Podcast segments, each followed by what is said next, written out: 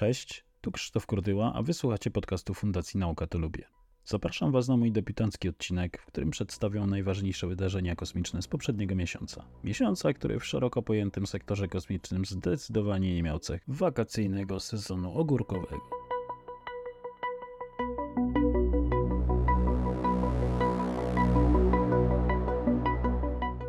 Zanim jednak wrócimy do drugiej połowy wakacji, gorący news ze Starshipowego Frontu. FAA, amerykańska Federalna Agencja Lotnictwa, czyli ciało, które musi wydać pozwolenie na kolejną próbę startu tej ogromnej rakiety, zamknęło właśnie śledztwo dotyczące pierwszego lotu. W efekcie SpaceX otrzymało nakaz wprowadzenia 63 działań naprawczych. Brzmi groźnie, ale zdecydowaną większość z nich SpaceX w międzyczasie już wprowadziło. I nie ma w tym nic tajemniczego, to specjaliści SpaceX zidentyfikowali te problemy. FAA w uproszczeniu tylko je recenzuje, ewentualnie pogłębia. Elon Musk, który udostępnił na swoim Twitterze, czy też jak ktoś woli Xie ich listę, twierdzi, że te kilka niezrealizowanych punktów nie jest wymagane do otrzymania zezwolenia na lot IFT-2. Pytanie oczywiście pozostaje, czy w taki sam sposób postrzega to agencja. FAA w swoim wcześniejszym oświadczeniu podkreśliła, że zanim SpaceX będzie mogło wystąpić o aktualizację licencji startowej, wszystkie zalecenia mające wpływ na bezpieczeństwo publiczne muszą zostać wdrożone. Czy faktycznie obie strony interpretują to tak samo? Cóż, przekonamy się o tym niebawem.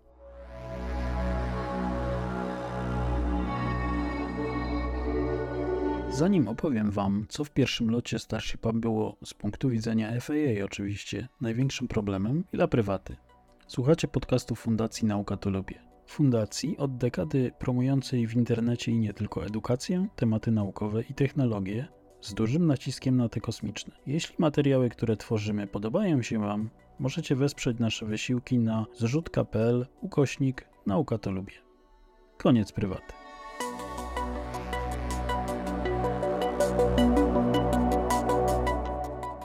Z informacji ujawnionych przez SpaceX na swojej stronie internetowej wynika, że przy pierwszej próbie wycieki i pożary w sekcji silnikowej doprowadziły do utraty komunikacji między awioniką rakiety a raptorami.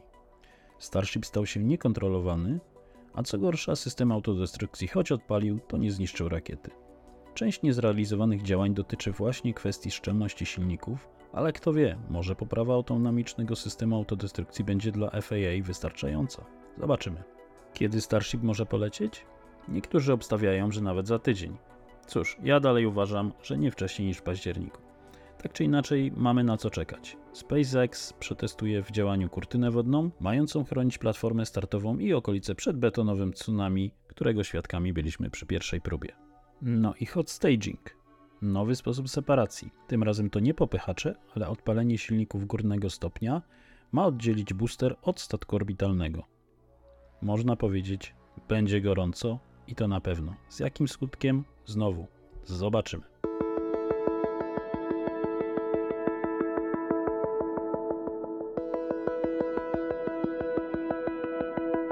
Skoro zakończyliśmy temat Starshipa, możemy przejść do sierpniowych atrakcji. W ciągu 31 dni poleciały aż 23 misje kosmiczne, z których 22 zakończyło się sukcesem. Mieliśmy też do czynienia z fascynującym wyścigiem lądowników na powierzchnię Księżyca. Na naszym podwórku dopięte zostały ostatecznie formalności dotyczące podwyższenia polskiej składki do ESA oraz lotu Polaka na Międzynarodową Stację Kosmiczną. I właśnie od tematu Kosmosa Sprawa Polska zaczniemy to omówienie.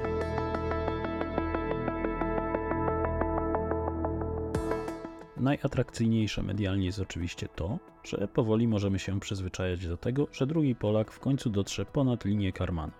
I to nie w jakimś locie suborbitalnym, ale z misją na Międzynarodową Stację Kosmiczną. Choć początkowo komunikowano to dość dziwacznie, wiemy, że w przyszłym roku trafi tam Sławosz Uznański w ramach kilku lub kilkunastodniowej misji realizowanej przez amerykańską firmę Axiom Space. Nasz astronauta pochwalił się na Twitterze, że pojawił się już w ośrodku szkoleniowym w kolonii i rozpoczyna przygotowania do lotu. Nie mówcie, że mu nie zazdrościcie. Mowy między Ministerstwem Rozwoju i Technologii oraz reprezentującym Europejską Agencję Kosmiczną jej szefem, Józefem Asbacherem, podpisano 29 sierpnia. Porozumienia przewidują nie tylko wspomniany lot, ale też zwiększenie udziału polskiego przemysłu w projektach ESA, zwiększenie liczby polskich projektów naukowych i technologicznych realizowanych za pośrednictwem tej agencji a także utworzenie w niej 30 miejsc stażowych dla polskich studentów. Cóż, żal trochę, że nie zdecydowaliśmy się zainwestować tyle, żeby Sławosz stał się członkiem kilkumiesięcznej misji typu Expedition. Owszem, byłoby sporo drożej, zapewne później, ale relacja koszt-efekt w długiej misji jest wyraźnie lepsza od krótkiej. Trzeba też pamiętać, że projekty realizowane za pośrednictwem ESA powinny być tylko częścią polskiej aktywności kosmicznej. Większe pieniądze powinny pójść także na projekty realizowane samodzielnie przez Agencję Polsa oraz Polskie Wojsko. No i wypadałoby może zatwierdzić w końcu krajowy program kosmiczny. Niemniej, decyzje, które podjęto w tym roku, wydają się być dla polskiego przemysłu kosmicznego i w ogóle całego sektora przełomowe.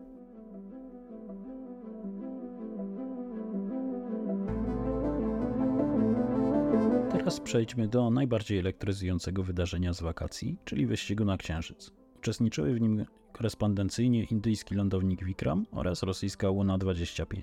Vikram, będący gwiazdą misji Chandrayaan-3, wystartował jeszcze w lipcu, dokładnie 14. Ale ponieważ indyjska rakieta LVM-3 jest dość słaba, żeby dotrzeć do naszego naturalnego satelity, musiano skorzystać z tzw. Tak niskoenergetycznych trajektorii księżycowych. Vikram najpierw długo krążył wokół Ziemi, przy pomocy kolejnych odpaleń silników jego kosmicznego busa zmieniał orbitę na coraz bardziej eliptyczną. W uproszczeniu można powiedzieć, że w pewnym momencie wydłużył ją tak bardzo, że trafił w, jak to się poetycko nazywa, studnię grawitacyjną Księżyca. Tam zaczął się proces odwrotny. Statek przy pomocy całej serii odpaleń hamujących zacieśniał orbitę, aż w końcu ta przybrała prawie kołowy kształt. W międzyczasie nastąpiło też rozstanie Wikrama z niepotrzebnym już holownikiem a lądownik rozpoczął przygotowania do najtrudniejszego z manewrów łagodnego przyziemienia, przyksiężycenia, zwał jak zwał. Ten profil misji spowodował jednak, że cała podróż musiała potrwać grubo ponad miesiąc. To z kolei dało fory Rosjanom, którzy dzięki posiadaniu znacznie mocniejszego Sojuza 2.1b, dodatkowo wyposażonego w stopień fregat, mogli sobie pozwolić na znacznie prostszą i szybszą trajektorię z niemal bezpośrednim wejściem na trajektorię translunarną. Także na orbicie naszego satelity hamowanie było w porównaniu do indyjskiej misji błyskawiczne. Gdyby wszystko poszło zgodnie z planem, Luna, pomimo że wystartowała dopiero 11 sierpnia, wyprzedziłaby Vikrama na Księżycu o dwa dni. Lądowanie wypadało 21 sierpnia. W sumie Rosjanom się udało. Luna na powierzchni Księżyca znalazła się jako pierwsza, i to nawet wcześniej, 19 sierpnia. Tyle, że nie w taki sposób, jak to sobie Putin i Roskosmos wyobrażali. Tradycji rosyjskich misji na inne ciała niebieskie stało się bowiem zadość i w wyniku awarii pojazd obniżył orbitę tak bardzo, że rozbił się o powierzchnię naszego satelity. Co się stało? Zbyt długo pracował silnik lądownika w czasie manewru przechodzenia na ostateczną orbitę okołoksiężycową. Trochę przypomina to sytuację z modułem Nauka, którego niekontrolowane odpalenia zagroziły bezpieczeństwu Międzynarodowej Stacji Kosmicznej. Dla cywilizowanego świata ta porażka to jednak dobra wiadomość. Pozycja Roskosmosu w oczach chińskich agencji kosmicznych znów poleciała w dół, a Rosja udowodniła, że nie ma w talii cennych kart dla chińskiego programu księżycowego.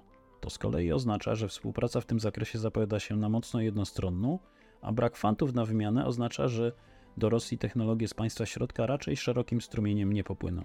A warto pamiętać, że technologie kosmiczne są w większości dual use, czyli mają też zastosowania wojskowe. Okej, okay. Co nie udało się Rosjanom, udało się Indiom. Cztery dni później, 23 sierpnia, Vikram gładko wylądował na powierzchni Księżyca. Lądownik uruchomił wszystkie instrumenty naukowe i wypuścił na powierzchnię łazika Pragian. Misja obu urządzeń trwała 14 dni, w tym czasie lądownik i łazik wykonały wszystkie zaplanowane badania. Lądownik uruchomił też na chwilę swój silnik i wykonał mały podskok. To ważne, ta operacja służyła temu, żeby zebrać dane potrzebne do zaprojektowania w przyszłości misji z modułem powrotnym, pozwalającym na przewiezienie na Ziemię próbek księżycowego regolitu. Obecnie oba urządzenia przeszły już w stan uśpienia, ale indyjska agencja kosmiczna ma nadzieję, że zdołają przetrwać długą księżycową noc. Jeśli im się to uda, będą kontynuować prace badawcze przez kolejnych 14 dni.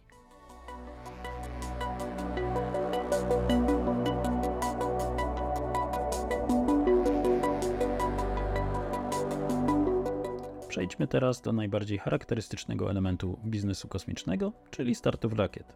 Zaczniemy od porażki, która nikogo, kto obserwuje tę branżę, chyba nie zaskoczyła. Katastrofą zakończył się bowiem lot rakiety rodem z Korei Północnej. Holima Cholima 1 wciąż nie jest w stanie zaspokoić kosmicznych ambicji Kim Jong-una. 24 sierpnia w swoim drugim locie po ponoć udanych odpaleniach pierwszego i drugiego stopnia, przy trzecim w wyniku nieustalonego dotychczas błędu miał uruchomić się system autodestrukcji rakiet. Tym samym stracony został też drugi egzemplarz prymitywnego satelity Maligiong 1. Skąd wiemy, że prymitywnego?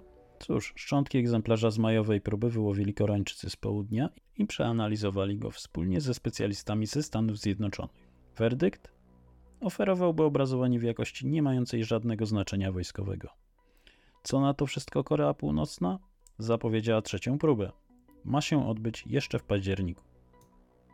Wróćmy teraz do cywilizowanego i nie tak autodestrukcyjnego świata jak Korea Północna. Sierpniowe starty rozpoczęliśmy od misji logistycznej na Międzynarodową Stację Kosmiczną, w której pożegnaliśmy amerykańsko-rosyjsko-ukraińską rakietę Antares 230. Rosyjsko-ukraiński pierwszy stopień z oczywistych względów przechodzi do historii, a w przyszłości zastąpi go czysto amerykański Antares 330. Northrop Grumman projektuje go wspólnie ze startupem Firefly Aerospace i oficjalnie liczą, że pierwszy egzemplarz poleci testowo już w 2024 roku. Trochę powątpiewam w tę datę, ale kto wie. Może tym razem obejdzie się bez opóźnień. Na szczęście nie oznacza to, że statki towarowe Cygnus przestaną latać na Międzynarodową Stację Kosmiczną. Sytuację ratuje Falcon 9 i Northrop Grumman musiał kupić od konkurencji już trzy takie starty. Czy będzie więcej? To zależy od postępów w programie Antares 330. Skoro już zahaczyliśmy o Falcony, to SpaceX zaliczyło kolejny bardzo pracowity miesiąc. Firma Elona Muska wykonała 8 lotów, przy czym aż 6 z nich to Starlinki. W przypadku tej konstelacji mamy do czynienia z ciekawą sytuacją. Liczba startów rośnie, ale liczba wynoszonych satelitów spada. W tym miesiącu poleciało ich tylko 124. Tylko, oczywiście jak na standardy tej konkretnej konstelacji. Dotychczas SpaceX wynosiło około 200 takich urządzeń miesięcznie. Skąd taki spadek? Wszystko dlatego, że SpaceX zaczęło wynosić ostatnio wyłącznie satelity nowej generacji, tzw. Tak V2 Mini. Wbrew nazwie, to nie są wcale takie małe urządzenia. W ładowni Falcona mieści się ich znacznie mniej niż w przypadku po wcześniejszych odmian. Zamiast ponad 50 sztuk, rakieta SpaceX zabiera ich teraz maksymalnie 22, a przy bardziej wymagających orbitach ta liczba spada nawet do 15 sztuk. Tu przypomnę, że kluczem do prawdziwej rentowności Starlinków mają być jeszcze większe satelity V2 bez dodatku mini, ale te wymagają wciąż niegotowego Starshipa. Dlatego też na razie SpaceX używa dopasowanego do ładowni Falconów erzaca. Jak łatwo policzyć, dla klientów zewnętrznych wykonano w sierpniu tylko dwie misje. Na orbitę geocentryczną wysłano satelitę Intelsat Galaxy 27, a na Międzynarodową Stację Kosmiczną astronautów z ekipy Crew 7. We wszystkich ośmiu misjach firma odzyskała boostery, a kolejny z nich, B-1061, przekroczył 15 lotów przebiegu.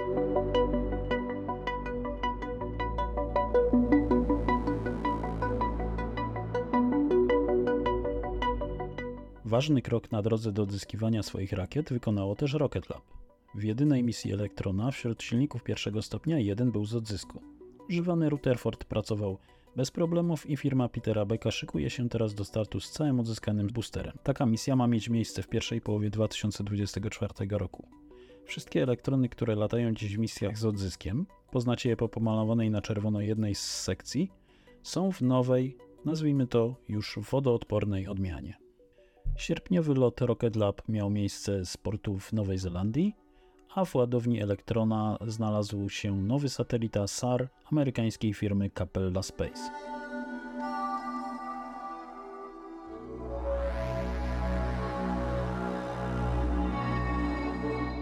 W sierpniu po raz kolejny poleciał też samolot kosmiczny Virgin Galactic. Widać, że firma po ponownym dopuszczeniu do lotów ostro wzięła się do roboty i unity śmiga aż miło. W omawianym locie poleciały m.in. zwyciężczynie konkursu, w którym ja startowałem. Nie będę ukrywał, bardzo im zazdroszczę tej wygranej. Choć model biznesowy Virgin Galactic budził specjalistów wiele wątpliwości, mocno im kibicuję, ponieważ może być to jeden z tych projektów, który kiedyś umożliwi i mi lot nad linię Karmana. A nie ukrywam, jest to moim marzeniem. Do tego niezbędne jest jednak osiągnięcie efektu skali. Dlatego też na zapleczu firmy trwają intensywne prace nad bardziej ekonomicznym samolotem. Statki klasy Delta będą wyglądać z zewnątrz tak samo, ale zmiany strukturalne mają pozwolić na ich szybką i tanią seryjną produkcję oraz znacznie częstsze loty każdego egzemplarza. Obecnie użytkowana Unity może latać mniej więcej raz w miesiącu.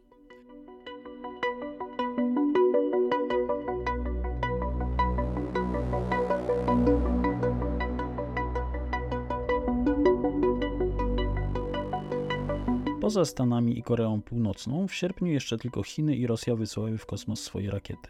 Chiny zaliczyły 8 misji, z których najbardziej wymagającą było wyniesienie satelity LSAR-4 na orbitę geocentryczną przy pomocy rakiety Changzheng 3B. Ja jednak chciałbym zwrócić Waszą uwagę na dwa loty chińskiego startupu Galactic Energy i jego rakiety na paliwo stałe Ceres-1. Nie jest to żadna przełomowa konstrukcja, ale firma pokazuje, że potrafi latać regularnie i niezawodnie. Licząc z wrześniowym startem, firma wykonała już 10 udanych misji, z czego aż 5 w tym roku. W kolejnym raporcie szerzej omówimy sobie 10 wrześniowy lot tej rakiety, ponieważ po raz pierwszy poleciano z platformy morskiej. Na niezbyt smaczny deser zostają nam Rosjanie, którzy polecieli w sierpniu trzykrotnie. O losie Łuny 25 już usłyszeliście, Dwie pozostałe misje to lot towarowy Progress MS-24 na Międzynarodową Stację Kosmiczną oraz wyniesieniem na średnią orbitę Ziemi satelity z powoli sypiącego się Rosjanom systemu nawigacyjnego GLONASS.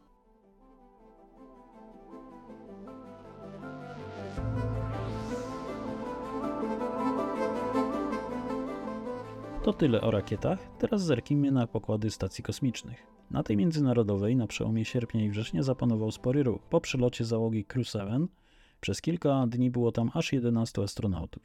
Także przylotów i odlotów było sporo. Oprócz Crew Dragona przyleciał towarowy Cygnus NG-19 oraz wspomniany Progress MS-24.